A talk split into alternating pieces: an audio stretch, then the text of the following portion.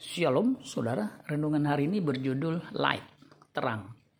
Yohanes 8 ayat 12 sampai 14. Maka Yesus berkata pula kepada orang banyak, katanya, Akulah terang dunia. Barang siapa mengikut aku, ia tidak akan berjalan dalam kegelapan, melainkan ia akan mempunyai terang hidup.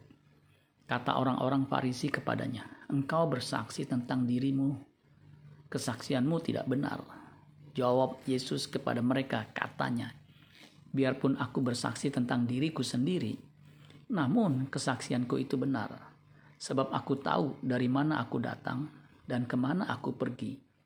Tetapi kamu tidak tahu dari mana aku datang dan ke mana aku pergi. Terjemahan net mengatakan begini, Then Jesus spoke out again, I am the light of the world. The one who follows me will never walk in darkness, but will have the light of life.